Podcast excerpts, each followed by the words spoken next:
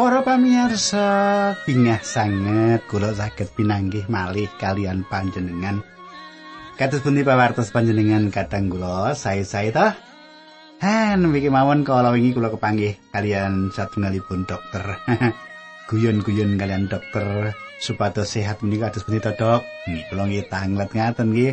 Wong umur kados kula menika wis umur ngene iki kala-kala menika wis kudu ngliwang ayo. gitu. Anu Pak Uji panjenengan menawi kepengin awet gesang daharipun ugi kathah dikendoni. Loh, kok dikendoni? Dikendoni anggenipun dahar ulam-ulam sing mawa lemak menika lho Pak. Nggih nek daging saged kemawon lajeng dikatahi ingkang sayur-sayuran ngoten lah wis ngono wis bendina lah lakoni ora sah takok dokter kula iki kodho ngoten inggih sak gereja kalian kula dadi guyon-guyon ngeten iki nggih ta Ha wong arep tuku daging larange ra jamak-jamak saiki hari. gitu.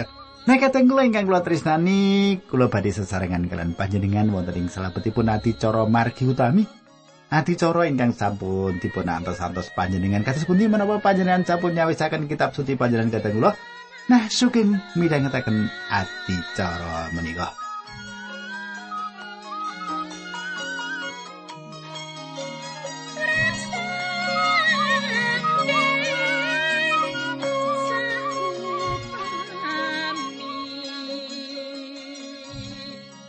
Para pamirsa menapa panjenengan tasih kemutan menapa ingkang kula aturaken duk nalika pepanggihan kepengker gitu. Wonten ing derek ingkang kemutan gitu dipun cateti oh ngene oh Pak Puji gendikane oh ngene ya Pak apik ya ngoten ki nanging kula wangsuli sawetawis kateng kula wonten ing pepanggihan kepengker. Kita sampun nyemak Daud saestu ngatosaken gesangipun Mephibosheth King menapa kok ngantos ngatosaken gesangipun tiang ingkang naminipun Mephibosheth menika awit Mephibosheth menika putranipun Yonatan lan Daud saestu nresnani Yonatan menika. Lan Yonatan menika pecah awit saking perangipun kalian tiang Filisti. Nah kula kita badhe lajengaken nanging saderengipun kula lajengaken kula badhe ngaturaken salam rumiyin dumateng Bapak Riyadi nggih. Bapak Riyadi menika kawunganten iki desa kawunganten gitu Bapak Riyadi kados pundi Bapak Riyadi? Kala rumiyin ngantos dipun okna wonten ya sakit awit sakit nggih. Ha inggih sampun sepuh kala-kala kedah makaten Pak. Ya sing sabar nggih Nah kadang kula monggo kita tumungkul mugi-mugi Bapak Riyadi sesarengan kalian kita sami.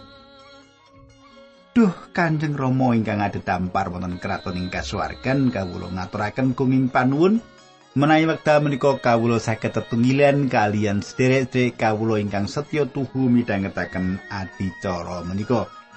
Kawula nyuwun Gusti berkahi Gusti ugi mitulungi sederek-sederek kawula ingkang samenika nembe sakit patuko sarasaken Gusti Yesus patuko paringi kegiatan. Kawula pasrahaken ati cara menika wonten ing asta patuko linambaran asmanipun Gusti Yesus Kristus kawula ndedonga haleluya amin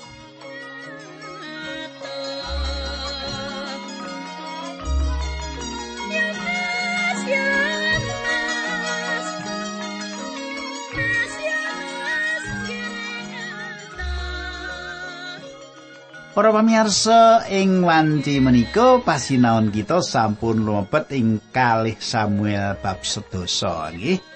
Kalih Samuel bab sedasa kados padatan kula badhe urut mau setunggal mboko setunggal ingkang penting ayat ingkang penting ingkang boten penting kita liwati panjenengan saged maos piyambak wonten ing griya.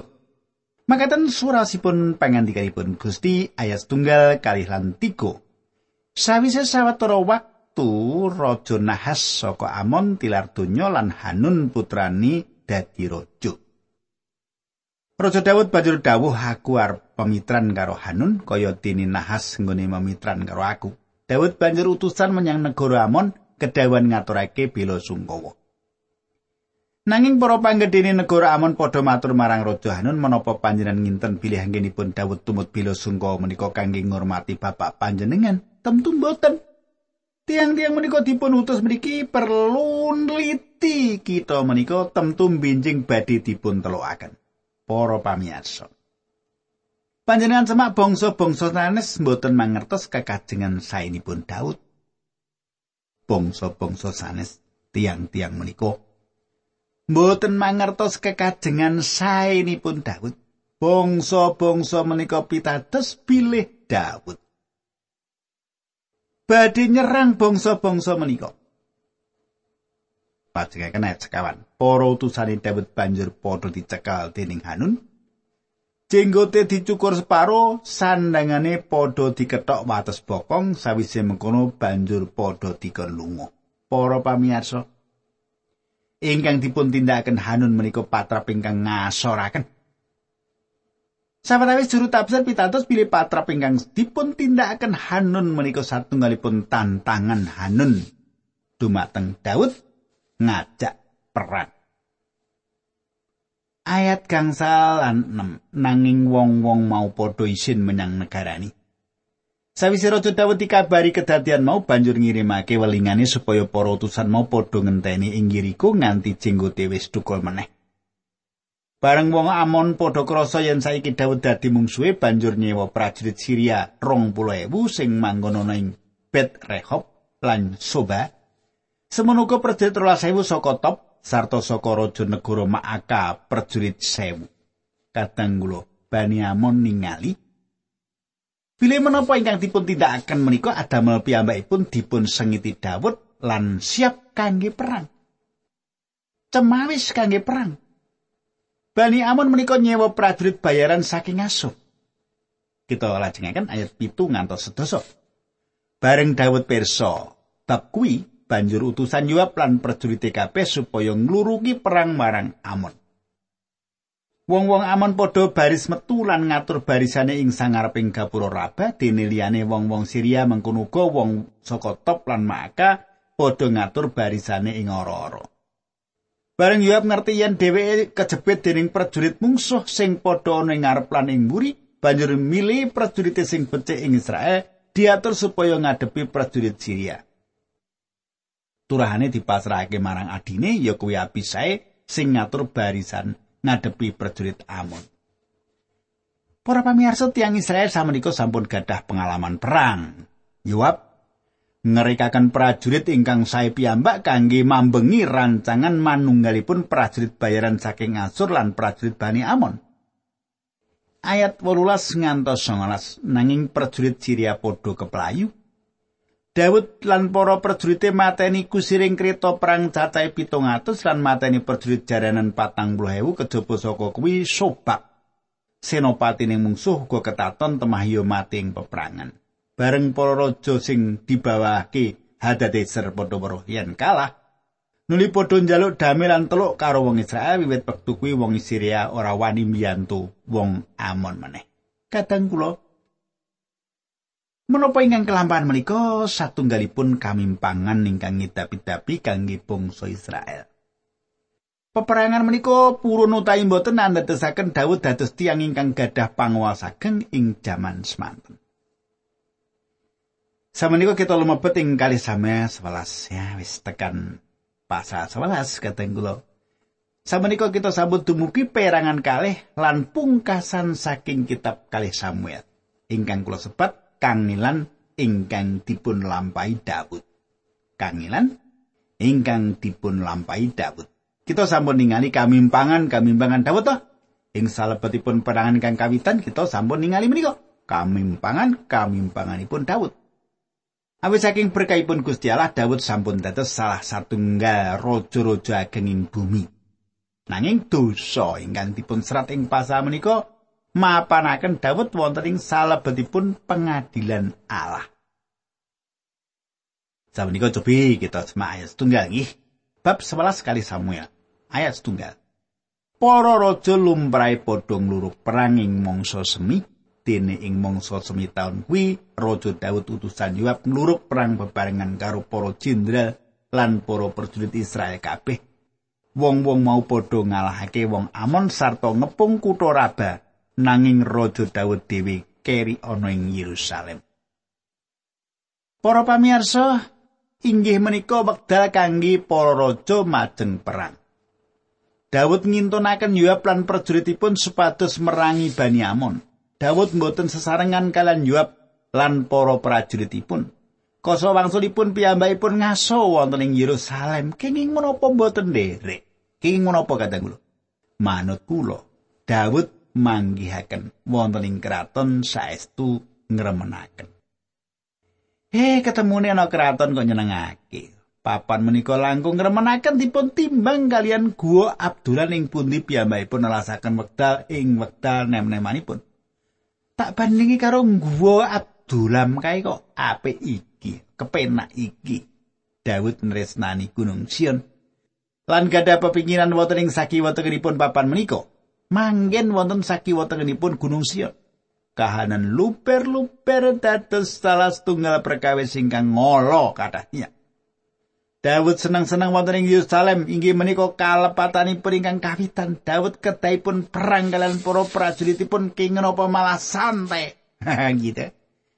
Ngatos-atos kateng kula nek panjenengan luber-luber nek panjenengan sugih niku iku kathah sanget jebakan-jebakan kala ingkang ndadosaken panjenengan dakwaing dosa.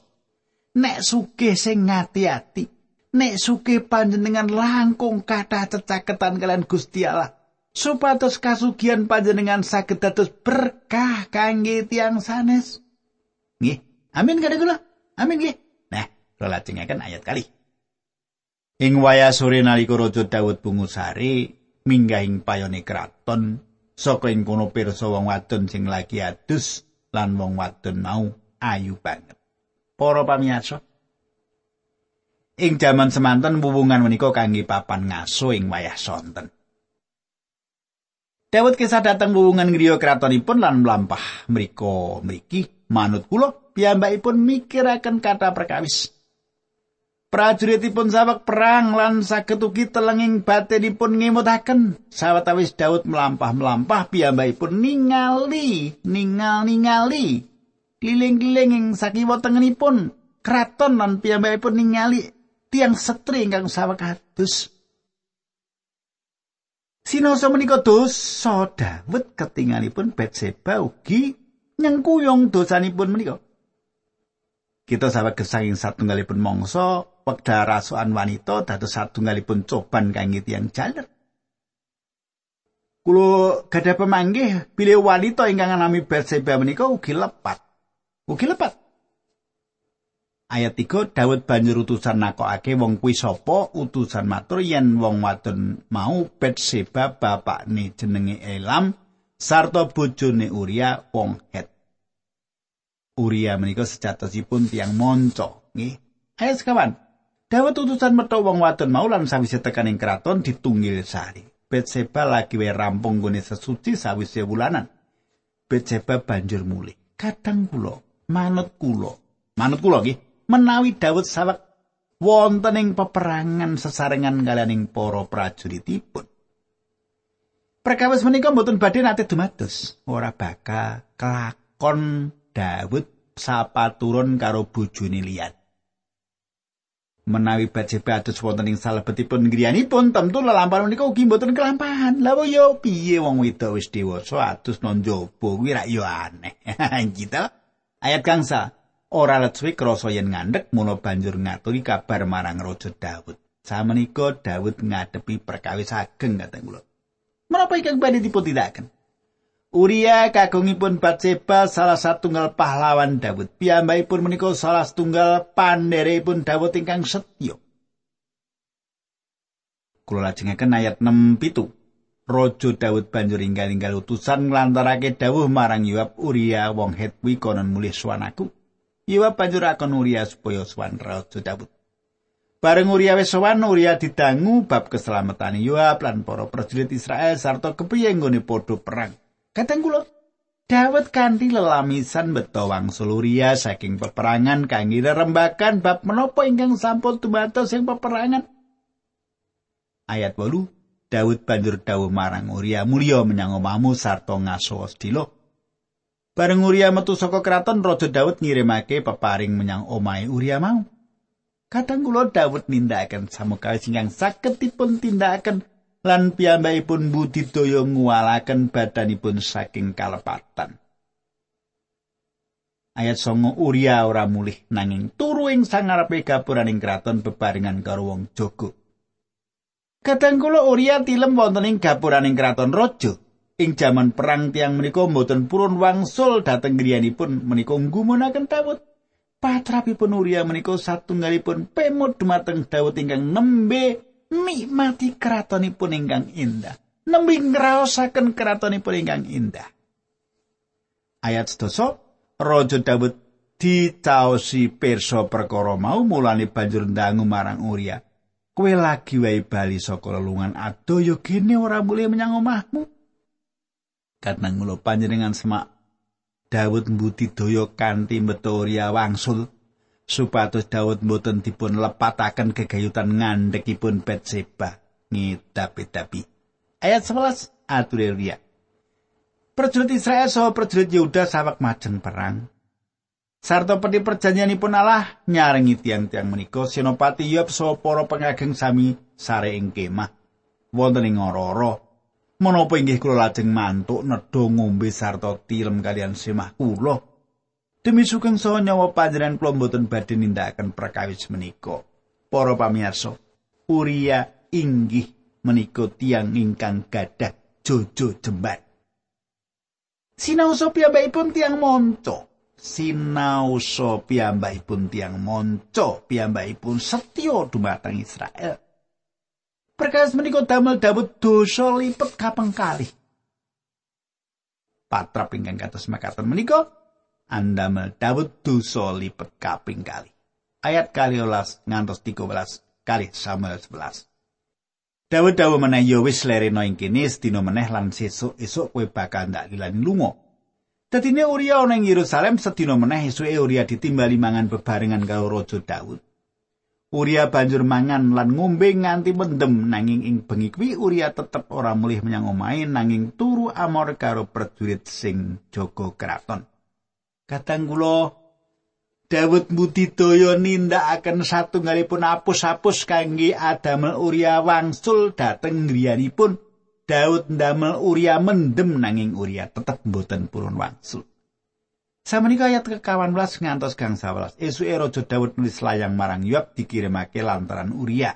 Isine mengkene, Uria pernah no ana ing cutu ing baris sing peperangan sing gawat banjur mundura karben dheweke tiwas.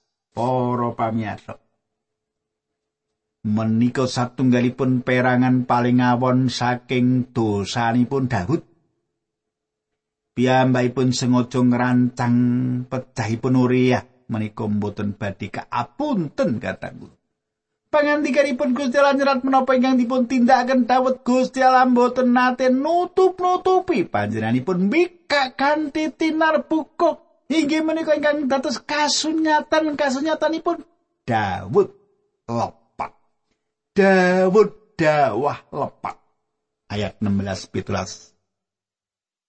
Nalika Yoab ngepung kutha mau Uriati perintah lunga menyang papan sing kira-kira dijogo kuat dening mungsuh bareng prajurit mungsuh padha metu saka kutha sarta nyerang prajurit Yoab. Ana prajurit Daud sawetara sing mati mengkono uga Uria. Lampan menika ora ada mel kita merinding to, nggih to? Matine direkodaya. Kula lajengaken ayat 18 ngantos kali dosok. Yua banjur utusan wong ngaturi pirsa marang Raja Daud bab lakuning peperangan. Perintahe marang kongkonan mau. Sawise Sang Prabu pirsa laporanmu bab tumindake peperangan iki bisa uga dadi duka lan dangu marang kowe. Yo gene kowe padha cedhak banget karo kutha kuwi, kowe rak padha weruh yen mungsuh mesti bakal manah saka sak tembok. Kadang kula Yoab budidaya nyingetaken ingkang sayetosipun saking utusan menika menawi wonten tanggapan saking Daud atas pawartos ingkang dipun betok. Ayat selikur ngantos kali likur. Apa kowe wis padha lali kepriye nggone Abimelek anake Gideon mati ing Tebes? Dewi rak mati mergo ana wong wadon sing nguncalake watu giliran glepung marang dheweke saka sadhuring tembok. Lah to gawe kowe padha cedhak banget karo tembok kuwi. Yen Sang Prabu ndangu mengkono matur Uria salah satunggal prajurit panjenengan ugi tewas. Kongkonan mau banjur sowan Raja Daud sarta ngabarake apa sing diperintahke Yoab. Ayat 13 ngantos langkung. Utusan mau matur, mengsah kula langkung kiyat. Soho medal saking kita lajeng nyerang kula sedaya wonten ing Ororo nanging lajeng kula desek mundur wangsul dumugi ing gapuraning kita.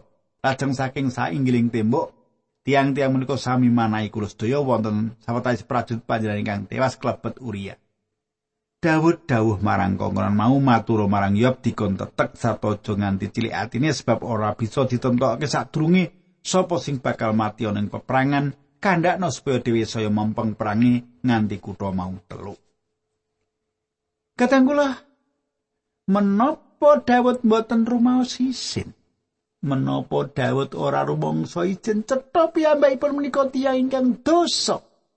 Piyambakipun sampun nindakaken satunggalipun perkawis ingkang gegirisi. Kita badhe nyewak pilih Gusti Allah badhe paring paukuman dhumateng piyambakipun.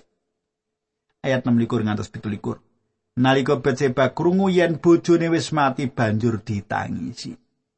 Bareng wis tutuk wektune Raja Dawud utusan metok wong wadon mau didhawuhi nggawa menyang kraton lan digarwa. Ora terus banjur nglairake anak lanang nanging Gusti Allah ora rena karo tumindake Dawud sing mengkono mau. Kadang kula panjenengan katosaken nanging Gusti Allah ora rena karo tumindake Daud sing mengkono mau. Ampun kesupen perkawis menika. Ampun kesupen perkawis menika. Daud boten saged mlajeng saking dosa. Ngantos wekdal semanten gesangipun Daud tangsa nampi kathah kamimpangan nanging wiwit menika piyambakipun badhe ngraosaken kathah kangilan. manungsa jagat saged kemawon gesang kalian dosanipun. Gusti mboten paring paukuman dumateng lare-larenipun setan nalika tasih wonten jagat menika. Nanging ingkang temtu panjenengan badhe paring disiplin dumateng lare-larenipun piyambak. Kita mboten saged uwal saking dosa. Daud semanten ugi menapa ingkang dipun tindakaken mboten dados keparengipun Gusti. Ing wedha satunggalipun perkawis mboten dados keparingipun Gusti mila Gusti badhe nindakaken satunggalipun perkawis. Daud gadah anggapan bilih piyambakipun menika saged uwal saking dosanipun. Sinau wonten sawetawis tiyang ingkang mangertos kasunyatanipun Yoab panglima perangipun Daud. Mangertos kasunyatan ingkang dumados. Yoab senopatipun Daud mangertos kasunyatan ingkang dumados. sawetawis tiang-tiang ingkang dados juru tutur ingkang caket kalian Daud penasihatipun Daud mangertos menapa ingkang dumados wekdal Daud mboyong Batseba dhateng kraton Tiang-tiang menika mboten pantun sanjang nanging menapa dipun mangertosi. Yerusalem menapa mboten? Wadi dosa Daud lan wadi dosa kita tinar buka wonten ing ngarsanipun Gusti Allah Gusti Allah persos sedaya ingkang kita tindakaken. Kadang kula ngatos-atos.